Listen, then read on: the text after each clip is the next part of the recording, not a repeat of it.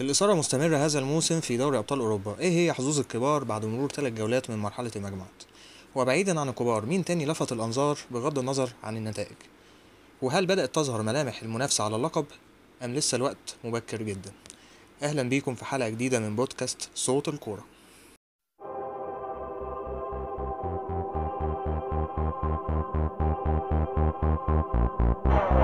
I'm on fire. soul.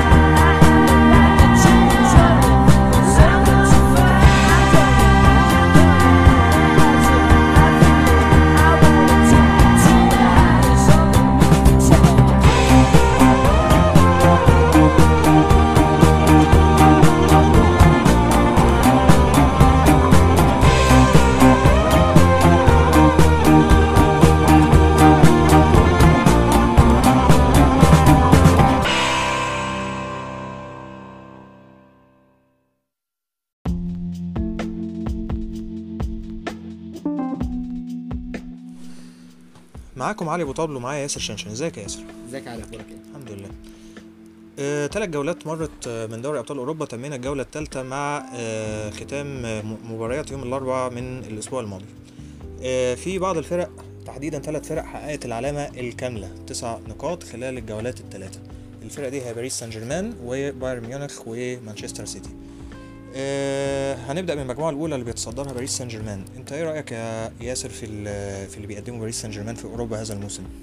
والله هذا الموسم باريس سان جيرمان بيكمل اللي عمله الموسم اللي فات توماس توخيل. توماس توخيل زي ما كلنا عارفين خرج بريمونتادا شهيرة قدام مان يونايتد آه، بخساره من 3-1 ولكن السنة دي بدا بدأ في الصيف بشكل مميز جدا. يعني هو السنة دي عمل انتقالات أكتر من رائعة. يعني كانت المشكلة دايما في باريس سان جيرمان في الحارس المرمى. جابوا حارس عنده خبرة كبيرة في دوري الأبطال زي عنده أوروبية كيلور بالظبط. بالظبط كيلور نافاس من من الحراس المميزين جدا. في نفس الوقت بص على الدكة عنده. عنده كان عنده مشكلة كبيرة في نص الملعب. حقيقي. جايب هيريرا وجاب إدريس جايا اللي كان عامل مباراة متميزه جدا قدام ريال مدريد. quality ما كانتش موجودة في باريس سان جيرمان في نص الملعب سواء كاستوبر أو اقتطاع ال- الكور. كان قطعة ناقصة في التشكيل بتاع باريس ده حقيقي. وهو كان بيستخدم ماركينيوس السنة اللي فاتت. وكمان السنة اللي في في يناير جايب لياندرو باريديس من زينيت سان بطرسبرغ. وأيضا قدم إضافة كبيرة جدا بوجود مورو إيكاردي مهاجم صندوق بيعرف يخلص الفرص وده شيء كان برضو مفتقد موجود كافاني كمان بيكبر في السن وممكن الاستمرارية مش آه، مضمونة على مدار الموسم ومبيبقاش له بديل. ففكرة مهاجم بال quality بتاعت ايكاردي وان هو كمان بدأ رجله كمان تاخد على الملعب وإنه يقدر يسجل أهداف ده مهمه حقيقي. آه، بيدي أفضلية كمان للخط الهجومي كمان عن غياب نيمار رغم ذلك بيتعامل بشكل كويس. آه، بالنسبة كمان لباريس سان جيرمان الموسم ده سواء محليا أو كمان اوروبيا الملاحظ إن آه، دي ماريا عامل آه، انطلاقة موسم رائعة جدا. يا ياسر إيه رأيك في دي ماريا الموسم ده؟ دي ماريا السنة دي هو أحسن لعيب في باريس سان جيرمان هو المحرك ال engine بتاع من engine فريق باريس سان جيرمان يعني بيعمل دو- أدوار نيمار اللي كان عاملها السنة اللي فاتت من صناعة لعب. وكمان زي ما بتكلم آه، آه، باريس سان جيرمان متفوق هجوميا ودفاعيا. ما دخلش فيه ولا هدف في أدوار المجموعات. ومسجل تسع أهداف وبالاخص مع- معاه فريق بحجم ريال مدريد قدر يحقق عليه انتصار كبير. ده حقيقي ده حقيقي. كان متفوق تكتيكيا جدا على على زيدان في هذا المباراه. هندخل النهارده برضه في ماتش البايرن. البايرن برضه معاه تسع تسع نقط مثلا تسع نقط نقاط وانتصار عريض في الجولة الثانية كان على توتنهام هوتسبير. بسبع أهداف مقابل هدفين. يمكن توتنهام كمان بي بي بيتخبط بشكل كبير الموسم ده سواء محليا أو في دوري أبطال أوروبا. ده حقيقي. لكن آه، هنتكلم كمان شوية كمان عن آه، توتنهام في دوري أبطال أوروبا. ولكن آه، خلينا نتكلم عن البايرن. البايرن السنة دي ما بين تخبط في الدوري ما في ما عدد في انعدام انعدام وزن. بمعنى إن في لعيبة بتدخل في ال squad جايبين بافارد في لوكاس هرنانديز في لعيبة بتبدأ تدخل مع وجود طبعا فيليبي كوتينيو صفقة ب 20 مليون إعارة لهذا ال season.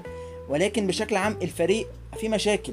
الإدارة الفنية لنيكو كوفاتش مش أحسن مش أحسن حاجة. دايما ال- ال- الفريق البايرن وجماهير البايرن متطلبة جدا. عايزة دايما تنافس على دوري الأبطال لأن البط- البطولة المحلية في اكتساح إن هم اخدينها في آخر خمس سنين. لازم نيكو كوفاتش يفكر أحسن من كده يبقى عنده آه، أفكار تكتيكية أفضل من كده لأن بعد دور المجموعات هنا بتبدأ فعلا بطولة دوري الأبطال. مظبوط. آه، بالنسبة لمانشستر سيتي بيقع في مجموعة يمكن من أول ما القرعة اتعملت آه، يعني كل الناس اتفقت إنها مجموعة مش مش تقييم لمستويات أو شغل بيب جوارديولا مع مانشستر سيتي. الموسم ده مجموعة سهلة نسبيا فيها دينامو زغرب وفيها مين كمان؟ شختار شختار دونيتسك. دونتسك و أتلانتا. آه، أتلانتا. أتلانتا فريق آه، إيطالي واعد مشروع واعد آه، أول سنة له في دوري أبطال أوروبا على الإطلاق. مانشستر سيتي قدر يحقق التسع نقاط الكاملة. ما نقدرش نقول إن مانشستر سيتي زي ما قلنا من لحظات إن إن ده إن مرحلة المجموعات هي التقييم الكامل ليه ويمكن ده أمر متكرر. في مواسم متتالية ان ممكن مانشستر سيتي بيقع في مجموعة متوازنة نسبيا يمكن فقط من موسمين اللي هو كان أول موسم لبيب جوارديولا. مانشستر سيتي. يمكن كان معاه برشلونة. يمكن دي أصعب مرحلة مجموعات آه، عدى عليها إنما خلال آخر موسمين الأمور بتبقى في المتناول جدا ممكن بعد كده بقى هل هل يعني ده سؤال اللي أنا ممكن أطرحه دلوقتي هل سهولة مرحلة المجموعات آه، بتأثر على التركيز بتاع لعيبة مانشستر سيتي أو القدرة الذهنية في مرحلة النوك أوتس بعد كده إن هم يقعوا قدام منافسين أصعب. هو المفروض إن مرحلة المجموعات لما بتبقى سهلة دي بيعتبر ده شيء كويس متنفس لضغط الدوري الإنجليزي اللي كنا عارفين طبعا إن الدوري الإنجليزي ماتشات متقاربة جدا ودوري دوري مزدحم جدا بالمواعيد. أيوه. فده يعتبر شيء جيد ولكن المشكلة دايما مع مانشستر سيتي ومع بيب جوارديولا يعني زي ما بيقولوا ال overthinking إن هم. بيفكر زيادة عن اللزوم دايما بيفكر المنافسين زيادة عن اللزوم ما بيديش حرية للعيبة بشكل أمثل غير إن خالفه التوفيق جدا في مباراة توتنهام السنة اللي فاتت. نفس القصة مباراه مباراة ليفربول السنة اللي قبلها ال- ال- الضغط كان كبير وكان ليفربول موفق في بثلاث أهداف مقابل لا شيء. فبشكل عام لازم سمع بيب جوارديولا يدي حرية أكتر في ال- في الشق الهجومي لأن ال overthinking في مراحل المجموعات في مراحل ال knockout بيسبب مشاكل لفريق مانشستر سيتي مظبوط. هل هل منش... يعني أعتقد مانشستر سيتي بنسبة كبيرة ضمن مش فقط التأهل المركز ولكن. بالظبط صدارة المجموعة لأن تواضع المنافسين حتى لو وقع في بعض في مباراة مثلا ما أعتقدش إنها هتأثر على صدارته. آه، باريس سان جيرمان أعتقد برضو إن هو بنسبة كبيرة يعني في طريقه إن هو يتصدر المجموعة بسهولة كبيرة لأن كمان ريال مدريد مش في حالته. آه، بايرن ميونخ نفس الوضع لأن توتنهام برضو مش في أفضل حالاته. هل بتت- بتتفق معايا في الموضوع ده يا بشكل ياسر؟ كبير بشكل كبير باريس وبايرن والسيتي ضامنين المراكز الأولى. بعيدا عن أصحاب العلامة الكاملة هناك بعض الفرق المتصدرة في باقي المجموعات. بنشوف مثلا آه، منافسة شديدة بين يوفنتوس وأتلتيكو مدريد. الفرقتين معاهم سبع نقاط. آه، تعادلوا مع بعض في أول جولة بهدفين لكل فريق في مباراة كانت مثيرة جدا وبعد كده كل فريق سلك طريقه بشكل مميز جدا وقدروا يحققوا انتصارين متتاليين. آه، يمكن يوفنتوس آخر مباراة أمام دينامو موسكو. أو عفوا لوكوموتيف موسكو كان الأمور معقدة بعض الشيء رغم إن المباراه كانت في يوفنتوس ستاديوم ولكن المباراه كانت يعني ماوريسيو ساري صعبها على نفسه يمكن شوية الاختيارات اللي بدأ بيها المباراة. آه، مجرد إن با- باولو ديبالا نزل الأمور انقلبت تماما يعني هدفين في أربع دقائق وبطريقة رائعة بتأكد آه، الجودة بتاعت باولو ديبالا وأهميته بالنسبة ليوفنتوس. آه، نفس الوقت أتلتيكو تتابع مبارياته ما تحسش بتميز فني بنسبة كبيرة. ان إن مش الفريق اللي يبهرك. يعني دي العادة يمكن في سيميوني ان مش بيقدم لك أحسن كورة لكن في نفس الوقت خلاص معاه سبع نقاط. هل هل في وجهة نظرك يا ياسر إن يوفنتوس واتلتيكو حسموا بنسبة كبيرة بطاقتين ويتبقى بس الأمر ترتيب مين الأول ومين الثاني في باقي- باقي ده الجولات حقيقي. هو الماتش فعلا اللي الف- الفيصل مين الأول مين الثاني هيبقى اللي في يوفنتوس ستاديوم. ولكن نقطة اتلتيكو برضو عايزين نذكر الناس إن اتلتيكو من أول 2016 ودييجو سيميوني لم يقدم جديد لجماهير أتلتيكو مدريد. آه، أتلتيكو مدريد في دائرة مغلقة من المركز الثالث والثاني في الدوري والخروج من النوك أوت دور ال 16 أو دور الثمانية في دوري الأبطال. إلى متى أتلتيكو هيفضل آه، متحفظ دفاعي متحفظ وهجوميا؟ ما لا يوجد الكثير من الأهداف مفيش حلول. مع إن عنده عناصر تخليه يقدم مظبوط. كرة هجومية أفضل. يمكن ده كان رأي ناس كتير في سيميوني خلال المواسم السابقة لكن خلاص يعني ال- الرأي ده والصوت ده بدأ يعلى أكتر مع سوق الانتقالات الممتاز اللي عمله أتلتيكو مدريد الصيف الأخير. ده حقيقي. جواو فيليكس صفقة ممتازة جدا رغم إن رهان إن أنت تدفع فيه المبلغ ده ولكن الحقيقة بيقدم مستويات كويسة جدا. النقطة الثانية اليوفنتوس. اليوفنتوس فيه تغيير جلد بشكل عام. تغيير أسلوب لعب معتمد على ثقافة اليوفنتوس بالأسلوب الدفاعي وانتظار الخصم. طبعا الكلام ده سواء من أنطونيو كونتي استمرارا لماسيميليانو أليجري لكن مع وجود مدرب بفكر جديد زي ماوريسيو ساري لازم الكورة تكون في رجل اللعيبة أهم شيء بالنسبة له. فده مختلف اللعيبة مش متعودة على أسلوب ده ومع عدم وجود عناصر في نصف الملعب تقدر تقدم الإضافة في نص الملعب إضافة هجومية بشكل كبير باستثناء بيانيتش ماريان بيانيتش الو- خروج بالكورة ده أهم شيء بالنسبة له. يمكن كنا لسه بنتكلم دلوقتي آه، خارج التسجيل إن إن إن يعني لو بيانيتش في أي وقت غاب أو حصل ظرف إصابة أو ايا كان أعتقد هتكون مشكلة كبيرة جدا ليوفنتوس.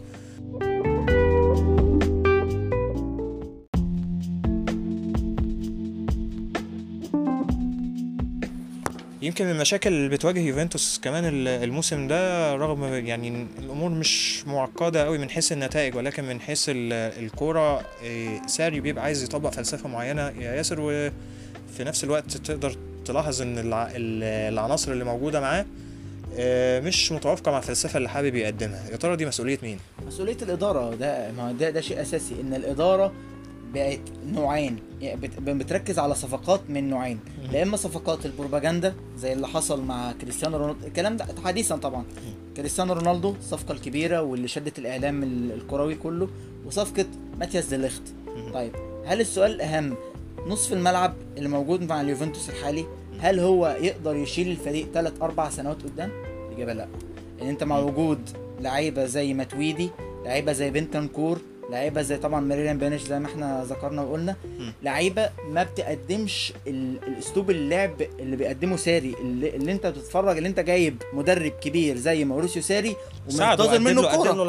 منتظر منه كورة. لكن انت ماتياس ديليخت هل الأهمية الكبرى آه، وجود ماتياس ديليخت ب 75 مليون مع وجود ديميرال آه، ليوفنتوس شاريه من ساسولو مع وجود روجاني روجاني وروجاني خاصة من المدافع مدافع جيد جدا مع وجود بونوتشي مع وجود كيليني اللي اصاب بالرباط الصليبي انت عندك تخمة في هذا المركز. مم. طيب لماذا انت اشت- اشتريت ديليخت إيه الفايدة ال- الإضافة الكروية لنادي والله البعض؟ بيقول لك ان إن هو ماشي آه، ممكن overpriced شوية هتدفع فيه فوق ال 70 مليون ولكن هو ممكن مدافع للمستقبل ممكن يتطور مع مرور المواسم.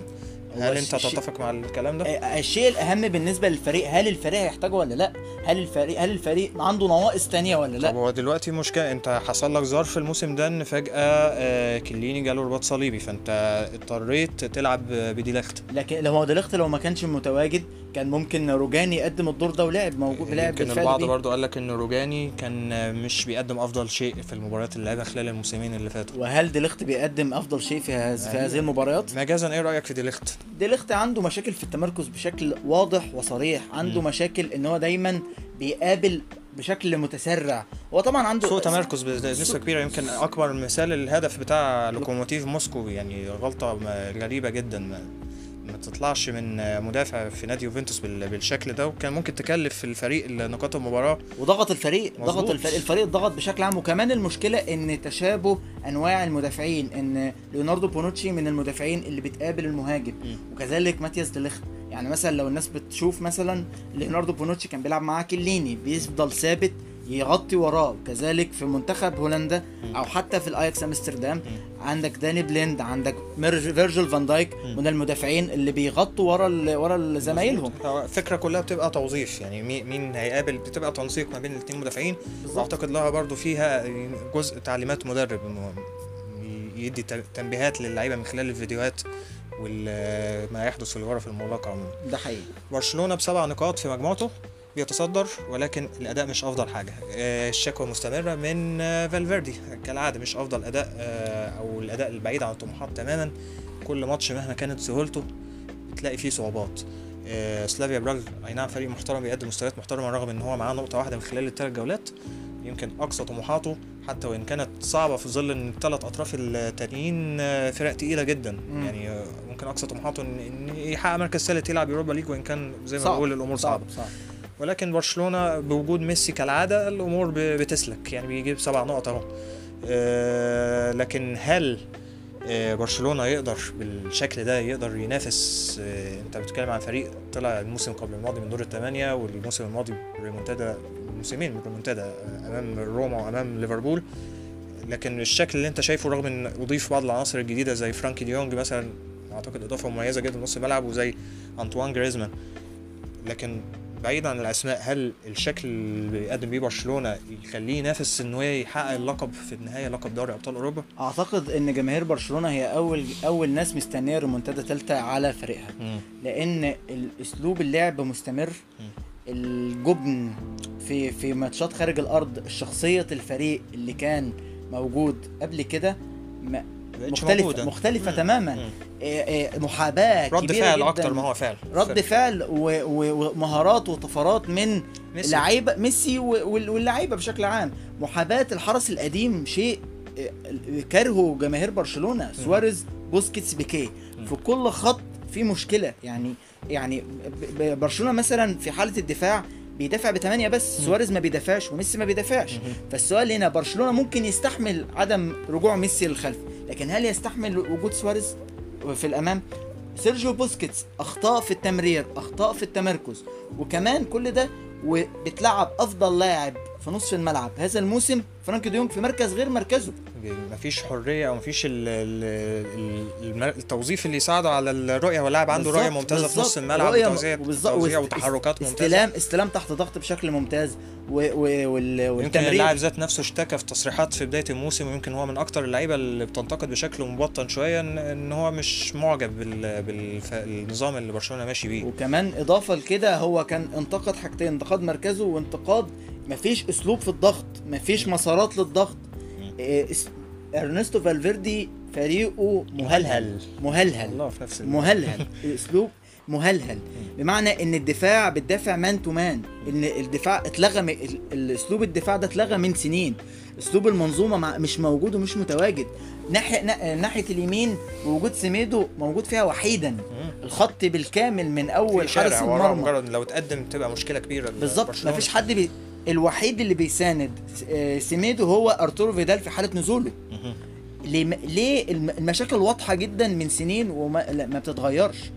جماهير برشلونة مستاء جدا من آه، إدارة فالفيردي. اذا في نفس المجموعة اللي بيتصدرها برشلونة آه، إنتر ميلان يحقق يحقق انتصاره الأول وكان انتصار مهم جدا وكان ضروري عشان ينعش فرصه في التأهل للمرحلة الثانية لأن كمان المنافسة مش سهلة لأن مع فريق زي دورتموند بروسيا دورتموند. غالبا هنضحي فريق منهم إن هيكمل مشواره في اليوروبا ليج. الفرقتين دلوقتي بقى معاهم أربع نقاط إنتر ميلان ودورتموند. آه، تتوقع مين منهم يقدر يعني يتأهل مع برشلونة عن هذه المجموعة؟ أعتقد إن مباراة السيجنال إيدونا بارك هي اللي هتحسم هذا الجدل. بمعنى إن إنتر هيبقى عنده ماتشين ثلاث ماتش ماتشين خارج الأرض. عنده عنده دورتموند وعنده سلافيا براغ. سلافيا براغ مباراة صعبة جدا على. فريق آه طبعا. فريق فريق صعب جدا فريق بيضغط من قدام بشكل منظم جدا أرهق فريق برشلونة وكان وكاد أن يخطف الفوز من فريق برشلونة. ف تعادل حتى على الاقل آه. ده حقيقي. وكان ممكن وجهة نظري كان يستاهل التعادل لأنه كان قدم مباراة جيدة جدا. لولا تيرشتيجن كالعادة. أعتقد المجموعة السادسة هتحسم في آخر الأشواط في آخر المباريات. لأن المب... زي مجموعة برشلونة السنة اللي فاتت برضه هتبقى الماتشين في نفس التوقيت وماتش توتنهام وماتش برشلونة وماتش الإنتر. اعتقد كان دينامو على ما أفتكر وبالتعادل ال- ال- التوتنهام صعب توتنهام مع برشلونة. فالإنتر السنة دي بشكل جديد مع كونتي مع 3 5 2 برضه تدعيمات مهمة جدا لوكاكو باريلا وسينسي. سينسي مفتقده كونتي جدا جدا جدا. مؤثر غيابه جدا في الثلث الهجومي الأخير. هو محرك الفريق. مفاجأة كبيرة. مف- مفاجأة كبيرة فعلا لأنه جايب إعارة مع إلزامية الشراء من ساسولو. بشكل عام وكمان قوى الدفاع جايب جودين. جودين من أتلتيكو. لعيب خبرة خبرة. كبيرة. خبرة كبيرة وإضافة كبيرة جدا للخبرات ال- character كابتن حتى لو لم يرتضي الشرف فهو قائد. فبشكل عام الإنتر بي- بيبدأ كده كده أنطونيو كونتي بيشكل الفريق بيبقى ده يعني بالظبط. يعني لما نتفرج على الماتش ده فريق أنطونيو كونتي. كونتي مظبوط. بيجري أكتر لازم يضحي في الملعب. فريق أنطونيو كونتي فريق مضحي في الملعب جدا جدا جدا وعشان كده للمراحل الأخيرة هو أنا من وجهة نظري ممكن الإنتر أقرب شوية من برشلونة من من دورتموند. آه، نظرا لشخصية كونتي بالظبط. هو نوعا ما إنتر مع مرور الجولات بدأ يهتز بعض الشيء ال- المستوى وممكن زي ما قلنا مع غياب آه، سينسي. كذلك دورتموند سواء محليا أو اوروبيا مع آه، لوسيان فافر ال- الأمور بت- بتهتز من حيث النتائج. آه، لكن مازال أمامه فرصة على سيجنال ادونا بارك عندما يستضيف إنتر ميلان في الجولة القادمة. توتنهام آه، من الفرق برضو اللي أنعشت حظوظها الجولة دي فوز كبير بخماسية نظيفة. آه، ما هي حظوظ آه، توتنهام في المجموعة اللي اللي بيلعب فيها مع بايرن ميونخ واللي غالبا بايرن ميونخ بنسبة كبيرة حسم فيها أمور الصدارة؟ أعتقد إن توتنهام إيه، عنده مشاكل داخل الدوري الإنجليزي عنده مشاكل مع الإدارة ولكن المجموعة بشكل عام ممكن تكون في المتناول. يعني ما ما أعتقد مباراة النجم الأحمر برضه هتكون مباراة فاصلة. مباراة فاصلة جدا. عايزين نقول برضو إن فرق النجم الأحمر واولمبياكوس على ملعبها فرق صعبة جدا. يعني أولمبياكوس معاه نقطة واحدة خلال الثلاث جولات كانت نقطة من من توتنهام. بس المباراة كانت في اليونان. لسه هنشوف المباراة الإياب في اللي هتكون في الجولة الخامسة آه، في في الوايت هارت لين. يعني هل أولمبياكوس هيسبب متاعب لتوتنهام أم آه، ماوريسيو بوتشيتينو هيبدأ بقى يعني بعد مجموعة من النتائج المتذبذبة محليا بالتحديد خسائر وتعادلات وفقدان نقاط واوروبيا كانت الهزيمة الكبيرة في الجولة الثانية أمام بايرن ميونخ بنتيجة 7 2 هزيمة كانت غير متوقعة لفريق لعب نهائي دوري أبطال أوروبا الموسم اللي فات. آه، يعني هل توتنهام هيواجه صعوبات أمام النجم الأحمر في وجهة نظرك أمام أولمبياكوس؟ هو المشكلة كمان إن توتنهام عنده ماتشات عنده هيلاعب البايرن خارج أرضه. وهيلاعب يعني الماتش المباراه بعيدا عن الوحيده مباراة البايرن. يعني بشكل حتى. لو خسر مباراة البايرن هو تأهله مربوط بالمباراتين التانيين. بالمباراتين التانيين. بس هو المشكلة إن حالة الانهيار ما زالت ما يعني ال- المشكلة لم تحل. يعني كان في تقارير بتقول إن الإدارة بتستعد إنها تسمع عروض لتقريبا نص الفرقة. يعني بتتكلم عن داني روز بتتكلم عن إيك داير اوريه اريكسن وانياما. أنت بتتكلم عن شكل الفريق يعني ال- العصب الفريق ممكن يتباع في يناير وما يجيش لعيبة تانية. الكلام ده بينتشر كمان نتيجة غياب الحافز. تحس إن اللعيبة خلاص جابت آخرها اللي هو يعني الناس دايما بتتكلم إن خلاص توتنهام بقى ناقصه إن هو يكسب لقب بس تحس بس. ان المفهوم ده مش عند اللعيبة. إن هو خلاص آخرهم إحنا توب فور في إنجلترا ووصلنا نهائي دوري أبطال. كان ممكن نكسب بس ما كسبناش. يلا مش مشكلة لأن توتنهام غير متع... مش معتاد على الوجود في ال... في المراكز المتقدمة دي سواء محليا أو اوروبيا. عدم وجود بطولات أثر بشكل كبير جدا على الحافز زي ما أنت بتتكلم يا علي.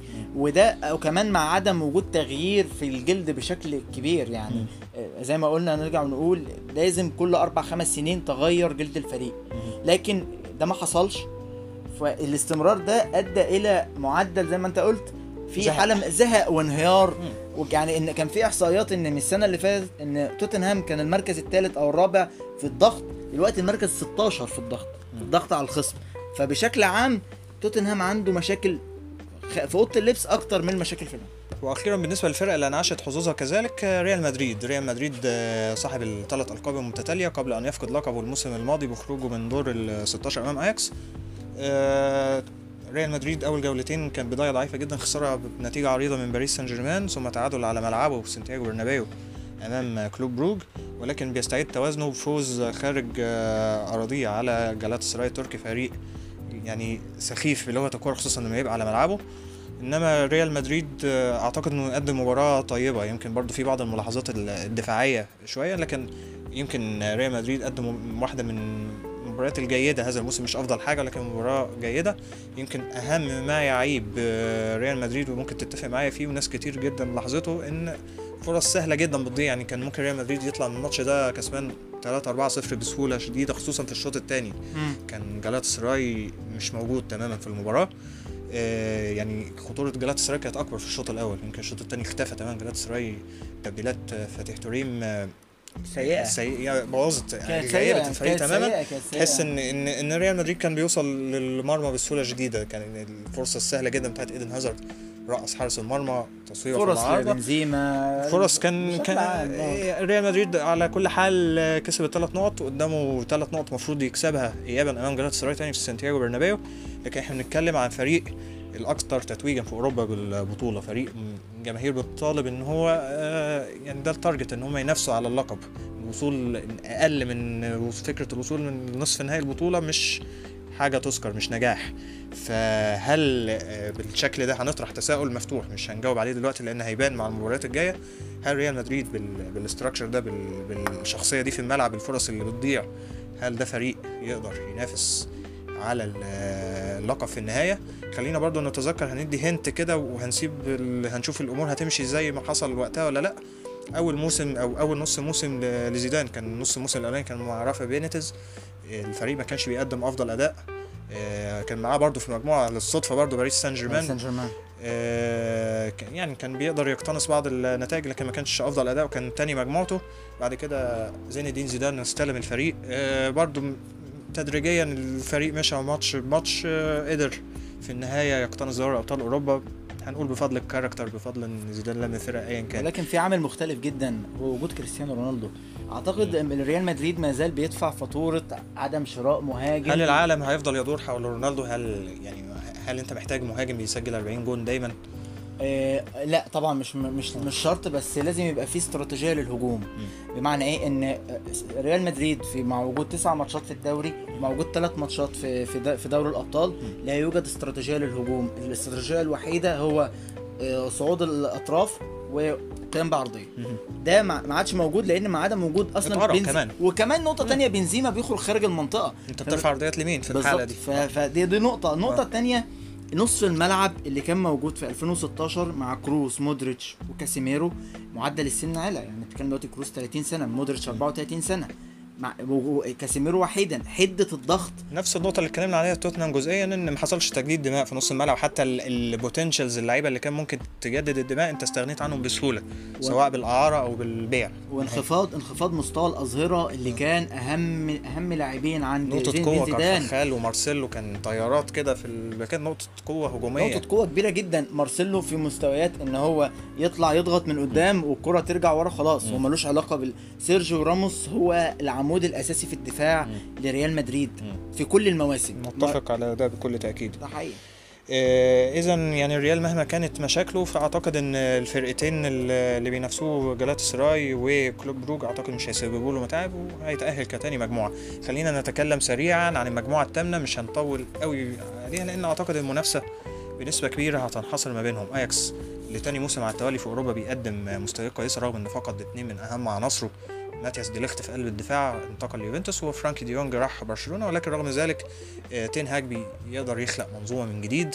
آه، يمكن أنا لاحظت سريعا مش هنطول برضو إن إن الراجل مثبت التشكيل بتاعه والعناصر اللي بتلعب في دوري الأبطال. على عكس الدوري بيقدر يجرب عناصر أكتر بيجر- بيجرب خطط أكتر. يمكن المنافسة في المحلية بت- بتتيح له ده وبيقدر يحقق انتصارات وبيدي ثقة أكتر للاعيبته ده أمر مهم هي ممكن لو تاهل في ال knockouts بتاعت أوروبا قدام فكرة ال rotation اللي بيعملها محلية دي هتخلي اللاعب. بالظبط هيبقى معاه. اختيارات أكتر. قدر يحقق ست نقاط في أول جولتين وفي الجولة الثالثه استضاف على ملعبه تشيلسي تشيلسي اللي, اللي الكل كان بيتوقع إن فرانك لامبرد هيواجه مهمة صعبة جدا الموسم ده نظرا لبيع هازارد آه، الحرمان من سوق الانتقالات والقيد ولكن فرانك لامبرد بالفعل عامل شغل محترم جدا خلال الأشهر اللي اتلعبت من هذا الموسم على مستوى جميع البطولات. آه، مش هنتكلم محليا مش مجالنا لكن هنتكلم اوروبيا. الراجل خسر أول ماتش من فالنسيا وكان فيه علامات استفهام كتير على قوة وشخصية الفريق الأوروبية. لكن الراجل بعد كده قدر يحقق انتصارين آه، متتاليين على حساب آه، ليل بصعوبة شوية 2-1 ولكن أعتقد الانتصار على أياكس أمستردام في الجولة الثالثه كان انتصار مهم جدا لسببين. إن هو قدر يصعد لصدارة المجموعة بالتساوي مع اياكس وانتصار مهم خارج الملعب. يعني انتصار يدفع للامام كبيرة، بالظبط دفعة دفعه معنوية. كبيرة. جدا ودفعه. تدي الثقة للشباب اللي فرانك لامبرد آه، مآمن بيهم. بفرقتين معاهم ست نقاط اياكس وتشيلسي وراهم فالنسيا أربع نقاط. ما زال في المنافسة رقميا لكن أعتقد characters الفرق اللي هي اياكس وتشيلسي هتتيح لهم إن هم يتأهلوا. ده حقيقي. آه، هيبان برضو. يعني فكرة إن اياكس وتشيلسي هيلعبوا بعض الجولة الجاية ممكن حد فيهم يعطل التاني في حين إن فالنسيا ممكن يكسب نقاط تخليه يتفوق ممكن على كله حدهم. 3 7 يعني 7 بالظبط. 7 يعني هي المنافسة هتبقى شديده ولكن مم. أعتقد في النهاية اياكس وتشيلسي هيك- هيكون لهم التفوق. خلينا نتكلم بعيدا عن الكبار شوية بشكل سريع. آه، يعني يمكن يمكن في بعض الفرق النتائج مش خدناها لكن بتقدم مستويات ممتازة. يمكن من أكتر الفرق اللي نتفق عليها ريد بول سالزبورج يا ياسر فرق فرقة يعني proven أو قدرت تثبت نفسها اوروبيا. مش الموسم ده بس بنتكلم عن موسمين ماضيين. كان فريق بيلعب في نص نهائي. Europa League فرقة بتقدم من يعني في منظومة في في الفريق بيقدروا يطلعوا نجوم آه، ممتازة جدا. يمكن على رأسهم ساديو ماني اللي حاليا بيلعب في ليفربول آه، نبي كايتا برضه في ليفربول. آه هذا الموسم آه اختبار جديد لفريق بيلعب في دوري أبطال أوروبا وفي مجموعة متشافة عليها العين فيها ليفربول وفيها نابولي. وقدرت تحرق كمان آه، ليفربول على أرضه يعني مظبوط. في لولا هدف محمد شبه صلاح ريمونتادا. لا- لولا هدف محمد صلاح. كانت النتيجة كان ممكن يبقى فيه تعادل وكان ممكن نقطة ثمينه جدا من الأنفيلد. بالظبط. وكذلك كانت مباراة جميلة جدا ما بين نابولي وسالزبورج آه، أسلوب لعب عنيف يعني بمعنى عنيف معنى الضغط عالي يعني يشبه يورجن كلوب مع دورتموند. أسلوب ضغط موجود من الفريق ده واستغلال ثغرات من من الفريق الخصم. ده, ده وكمان إحنا برضو نبص على إدارة ريد بول سالزبورج المستمرة في تفريخ المواهب في مواهب موجودة وفي كشافين وشبكة كشافين ممتازة واللي جدا. بيتباع بيجي غيره الفرقه برضو لسه محافظة متماسكة. متماسكة جدا متماسكة. وبدأت تظهر اوروبيا زي ما أنت قلت من سنتين رغم إن هم ليهم تاريخ إن هم وصلوا نهائي دوري الأوروبي عام 94 وخسروا من الإنتر. فبشكل عام سالزبورج من الفرق اللي انت ممكن قدامها سنتين كمان وتبني حاجة. لو. مثلا فضلوا على المواهب ماشيين تدريجي يعني بالظبط. مش مستعجلين. نفس فكرة مثلا مش أكيد ما فيش شبه كبير لكن نفس فكرة ليفربول إن هو استغنى مثلا عن كوتينيو مع فرق الأسماء. مم. لكن فكرة إن المنظومة مكملة. أنت استغنيت عن نجم مهم ولكن في نفس الوقت منظومتك والفلسفة بتاعتك ومدربين حتى لو اتغيروا بتحافظ على الفلسفة الهجومية بتاعتك. يمكن إيريك هالاند من المواهب الكبيرة في ال- اللي ظهرت في دوري أبطال أوروبا هداف مرحلة المجموعات حاليا. ست أهداف في مجموعة صعبة زي دي. آه، فريق هجوميا بيقدم مستوى كويس جدا يعني شوف رغم إن هو خسارتين في ثلاث جولات لكنه من أقوى الفرق في مرحلة المجموعات عموما مش المجموعة دي بس. 11 هدف في ثلاث مباريات. أنت سجلت ثلاث أهداف في أنفيلد هدفين كمان ضد نابولي ست- وست أهداف في أول مباراة. آه، ضد جينك. آه، سالزبورج أعتقد فريق يعني حتى لو خرج لأن يعني حظ إن هو وقع في مجموعة صعبة حتى لو خرج منها سالزبورج هي يعني هيكمل بشكل محترم في ال Europa League. ممكن نشوفه في مراحل متقدمة جدا. يمكن بس يعيبه نقطة ممكن يركز عليها شوية فيما تبقى من الموسم إن الدفاع بيستقبل كتير جدا. هو بيسجل. ثلاثة بيستقبل أربعة. دي مظبوط. مشكلة كبيرة جدا لازم يحلها. عندك آه، فرق سعيدة الحظ شوية فرق شاختار دونتسك ودينامو آه، ما زال عندهم فرصة. آه، عندهم فرصة لأنهم في مجموعة سهلة بالنسبة لمانشستر سيتي. فبالتالي في منافسة ما بينهم. إن حد منهم يخطف بطاقة التأهل التاني مع مانشستر سيتي. تفتكر مين سريعا في في مجاز؟ أعتقد إن ممكن برضو شختار ودينامو الماتش اللي هيبقى على أرض دينامو زغرب. الماتش الجاي هيبقى على أرض دينامو زغرب. أعتقد ده اللي هيحسم المباراة. لو دينامو كسب أعتقد بشكل يمكن كبير ال صعب. يمكن ال ال اللي أتاح الفرصة المنافسة بالنسبة للفريق زي دينامو زغرب انتصاره الكبير في أول جولة على أتلانتا برباعية نظيفة. مظبوط. وبعد كده قدر يخطف نقطة تعادل من شختار في الجولة الأخيرة اللي هي الثالثه آه خلته يدخل يبقى معاه أربع نقاط نفس رصيد شختار لكن أعتقد شخصيا إن شختار خبرته الأوروبية خلال المواسم الأخيرة هي اللي ممكن ترجح آه جف... آه عفوا ترجح كفته. على ال على الاثنين المتنافسين معاه على البطاقة الثانية شختار نفس فكرة سالزبورج ان إن برضه فريق بيبيع مواهب وبيجيب مواهب من البرازيل ممتازة تحديدا البرازيل ما تعرفش ليه. ورغم ذلك في آه، تماسك اوروبيا بالذات بيقدر دايما حتى يعني دور ال 16 أعتقد بيبقى نجاح مقبول بالنسبة للجماهير لفريق زي شختار. آه، معاهم الطرف الثالث أو اللي هو الطرف الرابع بقى في المجموعه لو حسبنا مانشستر سيتي اللي هو أتلانتا. أتلانتا أول سنة له اوروبيا على الإطلاق. رغم ذلك آه، يعني ثلاث هزايم ولكن يعني آه، اجمالا مش هنتكلم كتير عن أتلانتا لكن تجربة تحترم سواء محليا أو اوروبيا. أه ما اعتقدش إن له فرص السنة دي لكن هو بيقدم بشكل جيد اوروبيا. ممكن نشوفه تاني في دوري أبطال أوروبا الموسم الجاي بنسبة كبيرة. بس لازم يعدل برضو دفاعه لاستقبال 13 هدف في الدوري المحلي و11 في دوري الأبطال. يعني بشكل كبير عنده مشاكل دفاعية لازم جاسبريني يحلها. مظبوط. أه خلينا نختم ال- الحلقة بسؤال. أه أسألك يا ياسر هل معالم الفرق المتنافسة على الفوز بلقب دوري أبطال أوروبا بدأت تتحدد ولا لسه الوقت مبكر؟ أعتقد يا علي إن لسه الوقت مبكر لأن البطل بيخل... يعني بيبدأ يتخلق داخل المنافسات. يعني ها انت مثلا لو شفت هل ليفربول كان متشاف إن هو طالع في المجموعة الموسم ك... الماضي. آه كان. تاني المجموعة هل الناس كانت شايفة إن هو هيبقى بطل أوروبا؟ ده كان فرصة أركاديو شمالك اللي صدها. أليسون كان لو كانت دخلت وما, دخل وما صدهاش كان ليفربول هيكمل اليوروبا هل ليج. هل الناس كانت متخيلة بعد 3-0 من برشلونة يكسب ليفربول؟ لا برضو الف... ال- الفريق بالذات دوري الأبطال يعني مباريات النوك أوت لا يوجد لها توقعات. لا يوجد لها توقعات على الإطلاق. الفريق بس لكن في شخصيات بطل يعني ليفربول شخصية بطل ريال مدريد شخصية بطل بايرن ميونخ بايرن. ميونخ لو عنده لو حل مشاكله الهجومية وليفاندوفسكي كمل مستوياته المبهرة جدا هداف في الدوري وتاني هدافين دوري الأبطال موسم ممتاز لليفاندوفسكي على عكس الموسمين الماضيين نوعا ما عامل آه، يعني حصيلة تهديفية ممتازة. هل هل برشلونة هيحل هل فالفيردي أرنستو فالفيردي هيحل مشاكله؟ هل هيكون في مفاجأة من أياكس من سي من تشيلسي عايزين نتكلم؟ عن فرقتين كمان تحديدا آه، باريس سان جيرمان اللي هو كل موسم بيعمل مرحلة مجموعات جبارة ولكن فجأة بتلاقيه في الدور ال 16 تحديدا بي بيودع البطولة. هل هيكون حظه هل- أفضل من حظوظ الس- السنين اللي فاتت؟ هل الموضوع حظ ولا موضوع character؟ الاثنين الاثنين character character كان غير متواجد مع يوناي إيمري. إيه، ممكن دلوقتي الدنيا يعني اللاعبين أكثر شخصية شراسة. أكثر شراسة تدعيمات ممتازة على في, نص الملعب.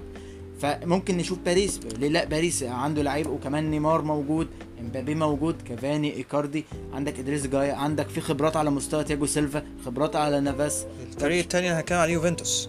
هل يوفنتوس يقدر يوصل بعيد ولا مع اللي بيقدمه ساري والمشاكل ال- ال- ال- عدم التوافق ما بين ال- ال- العناصر اللي موجودة معاه وال- والطريقة اللي بيلعب بيها؟ هل ممكن ده تبقى مشكلة في ال knockouts؟ أعتقد مع وجود أفضل لاعب في تاريخ دوري الأبطال وهو كريستيانو رونالدو ممكن يحل عقد كتير جدا في ال knockout شخصية كريستيانو رونالدو موجودة ولكن آه، ساري عنده برضه مشاكل على مستوى نصف الملعب زي ما إحنا اتكلمنا. هل ساري هيعرف يحلها؟ وهل هيوظف الثلاثي الهجومي بالشكل الأمثل ولا لا؟ لفت نظري برضو أخيرا إن نابولي نابولي بيقدم كرة محترمة جدا ومعاه مدير فني اللي هو مستر دوري الأبطال Mister Champions League كارلو أنشيلوتي. هل تفتكر إن ممكن يسبب المتاعب ويوصل بعيد هو راجل متخصص في البطولة دي؟ أعتقد آه ولكن برضه مع توفيق مع دفع التوفيق شوية ل- علاقه. بال character برضو. ال character متواجد مع مع وجود سنتين مع مع الفريق آه، آه، كارلو أنشيلوتي. بشكل كبير نابولي هيبقى فريق مزعج وبالذات لو بقى أول. فهنشوف برضو نابولي ليفربول مين اللي هيبقى أول فيه تمام يا ياسر أنا أشكرك على هذه الحلقة السرية نوعا ما اللي قدرنا نقدر نلم فيها ثلاث جولات من دوري أبطال أوروبا واتكلمنا عن معظم الفرق عن ملامح المستويات اللي بيقدموها عن المنافسة عن مين هيقدر ينافس على البطولة قدام هل الملامح بانت؟ أعتقد إن إحنا استعرضنا نقاط كثيرة جدا خلال آه، ما يزيد عن 35 دقيقة حاجة بسيطة. آه نتمنى نكون الحلقة عجبتكم ونكونش طولنا عليكم المرة دي. آه،, آه أي تعليقات أي نقاشات إحنا موجودين على فيسبوك على تويتر. آه بودكاست صوت الكورة انتظرونا إن شاء الله في الحلقة القادمة ومواضيع مختلفة أخرى. أشكرك يا ياسر. شكرا علي. ونلقاكم في الحلقة القادمة.